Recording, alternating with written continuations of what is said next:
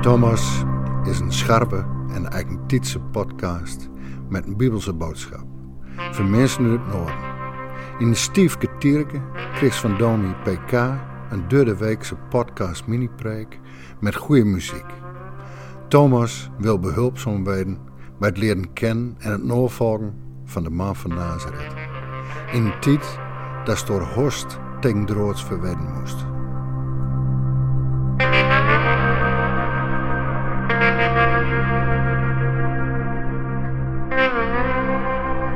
Weet jij al wat je als eerste gaat doen wanneer de coronapandemie echt helemaal voorbij is?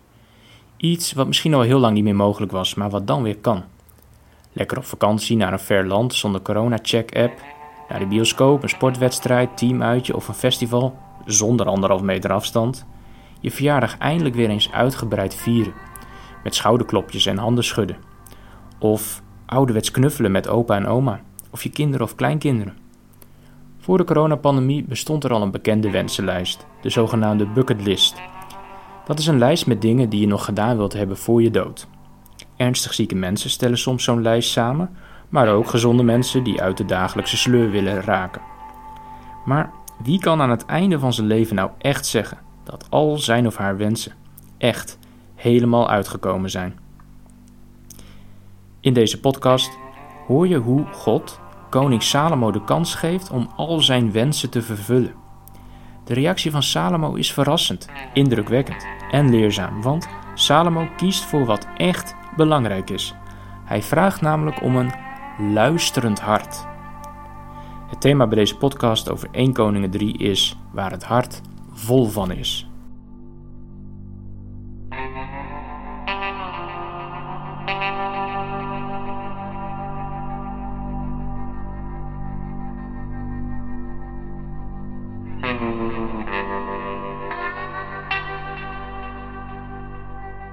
Salomo trouwde in de familie van de farao, de koning van Egypte. Hij helle de dochter van farao en bracht haar in een Davidstad tot de kleerwijze met het bouwen van zijn eigen huis. Het huis van de Heer en de moeder van Jeruzalem. Het volk offerde toen nog altijd op offerhichten, omdat daar die tijd geen huis voor de namen van de Heer bouwd wie. Salomo hoorde wel zo van de Heer dat de fiaskriften van zijn heid David in acht nam maar hij bracht de offers nog altijd op de offerhichten. Zo ging de koning op een keer naar Gibeon te offeren, want dat weer de grootste offerhichten. Duizend offers had er op dat altaar verbrand. Die nacht is de Heere toen ons Salomo in een droom verscheen. God zei, vreeg je maar, wat moet ik die aan? Salomo zei, Jo hebben voor uw heid, jo tjener tige goed gunstig west, likos hier van zien komt met jouw omgang, trouw, eerlijk en oprecht van hart. En Jo had deze grote gunst ik nog bevestigen, terug in mijn zoontje aan, die op zijn troon zit, zodat nou het geval is. Nou hij Jo, Heere mijn God, Jo tjener zelfs koning maken in de plak van uw heid David. Maar ik ben nog zijn jonge man, die het net eens weet hoe ter hem hoorde en dragen moet. En sa stiet Jo tjener in het vermidden van jouw volk dat jou uitkezen ha. Een machtig volk, dat net te tellen of te skotten is vanwege de mannigte. Jou dan jou tjinneren opmerkzaam hart, dat er jouw volk ruchtje kennen en onderscheiden tussen goed en kweer. Want waar kent dit machtige volk van jouw ruchtje? De Heere acht het goed dat Salomo deze zaak begeert hij. God zei in hem om dat stoel hierom vregen hast en net om een lang leven voor diezelf en rijkdom en het leven van die vijand, maar om dat stoel vregen hast om het vermogen om ruchtzaken te jaren, daarom jou ik die nou dien begeerte. Ik jou die een wies en verstoornig had, dat dien gelijkens van die net west had en nij die net opsteen zal. En wees toen net om vregen hast, dat zal ik die ek nog jaan, zijn rijkdom en onsjen, dat al die levensdagen net gelijkens onder de koningen net te wezen zal.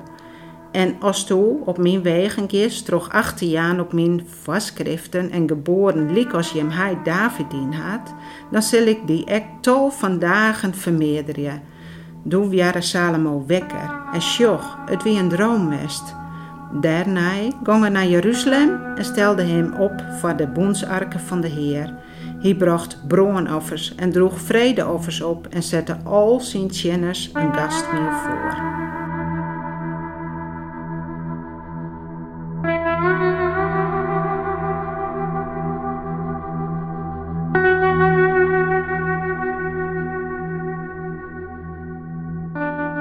Salomo ligt te woelen in zijn bed. Hij kan ook maar moeilijk slapen als hij van huis is. Vannacht slaapt hij namelijk met zijn gevolg bij de belangrijkste offerhoogte van het land. Daar in Gibeon heeft hij vandaag publiekelijk zijn liefde voor God de Heer laten zien door royaal voor hem te offeren. Heel belangrijk voor iemand met zijn voorbeeldfunctie. In de afgelopen jaren heeft hij zijn positie als koning al verstevigd. De laatste vijanden van zijn vader, koning David, heeft hij uit de weg geruimd. Adonai, Simi en Joab. En binnen de eigen landgrenzen heeft hij de komende jaren weinig meer te vrezen. Ook buiten de landgrenzen zal het voorlopig rustig blijven, want hij is getrouwd met de dochter van Farao en daarmee geniet hij de bescherming van een wereldmacht van formaat. Niets staat Salomo's politieke carrière nu nog in de weg. Ook zijn bouwplannen zijn ambitieus. Een paleis, een tempel voor de Heer en een muur rondom Jeruzalem. En toch zit het hem niet lekker. Er is namelijk iets wat hij nog niet heeft en wat zelfs hij niet even kan regelen.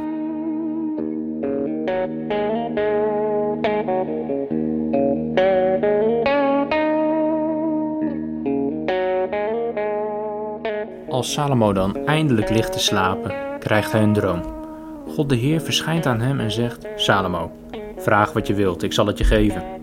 Deze vraag komt precies op het juiste moment. Maar om het antwoord van koning Salomo op waarde te schatten, moet je weten wat zijn collega's zouden vragen. Die zouden namelijk wel raad weten met zo'n voorstel. Om te beginnen een paar honderd paarden. Dan kan hij zijn imperium stap voor stap uitbreiden. Zilver en goud, ook altijd handig voor de handel en allure om zijn collega's naar de kroon te steken. Of de loyaliteit van zijn volk. Dat levert soldaten, belasting en populariteit op. Maar een lang en gelukkig leven is natuurlijk het allermooiste. De wereld ligt al bijna aan zijn koninklijke voeten. Maar wat Salomo vraagt is heel verrassend. Niet voor niets neemt hij voor zijn antwoord een lange aanloop. Hij begint bij Gods trouw aan het verbond met David, merkbaar aan het feit dat hij als zoon van op de troon zit.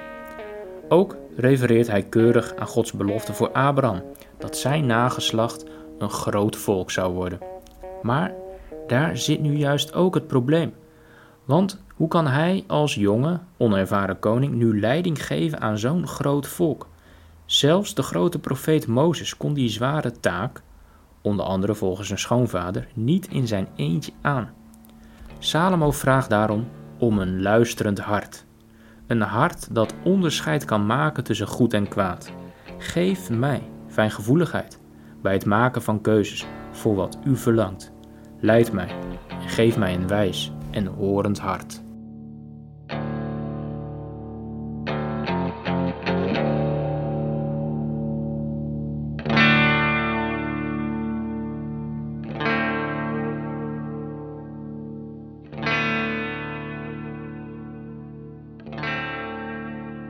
Maar wat is een luisterend hart precies? Waar vraagt Salomo eigenlijk om? Het hart is in de Bijbel meer dan een spier of orgaan. Het is ook meer dan wat er vandaag vaak mee wordt bedoeld, ons gevoel. Bijbels gezien komen het verstand en het gevoel samen in het hart. Het is het centrum van wie je bent en waar je wil, gevoel en verstand op gericht zijn.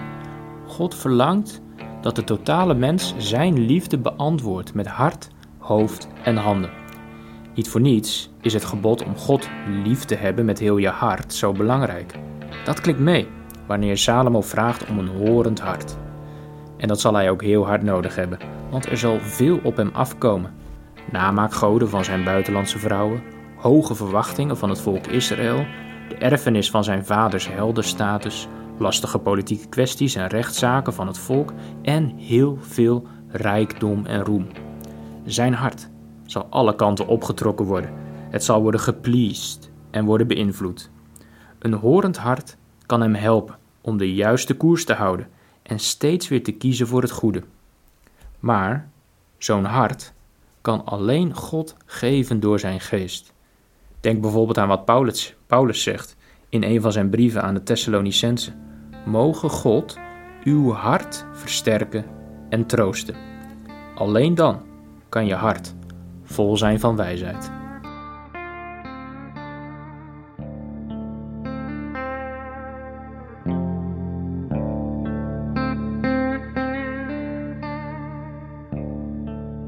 Waar je hart vol van is. Stel dat God die vraag aan jou stelt. Vraag wat je wilt, ik zal het je geven. Wat zou jij eigenlijk antwoorden? Maar is het eigenlijk niet zo dat God die vraag ook aan jou en mij stelt, iedere dag weer? Heb jij mij werkelijk lief met heel je hart?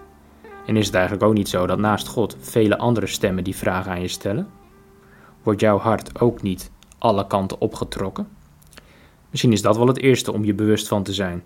Dat je een hart hebt vol van verlangens die je sturen en bepalen wie je bent en wat je doet. En dat is vaak een onbewust proces. Maar er zijn vele stemmen die maar wat graag de aandacht willen hebben van je hart. Stemmen die je vragen om alles uit je leven te halen. Stemmen die je van alles beloven. Zo belangrijk is je hart. Wees je daar bewust van en wees ook zuinig op je hart. Dat kun je doen door stemmen tot zwijgen te brengen of in dienst te stellen van het goede. Maar ook door aandacht te geven aan de stem die echt het beste met je voor heeft en dat te blijven voeden door stilte, gebed, muziek, verwondering over de natuur, door het lezen van de Bijbel. Dat betekent misschien wel minder Netflix, Insta, Funda en Salando, maar volgens Jezus krijg je er ook wat voor terug. Als je zuiver bent van hart, zal je God zien.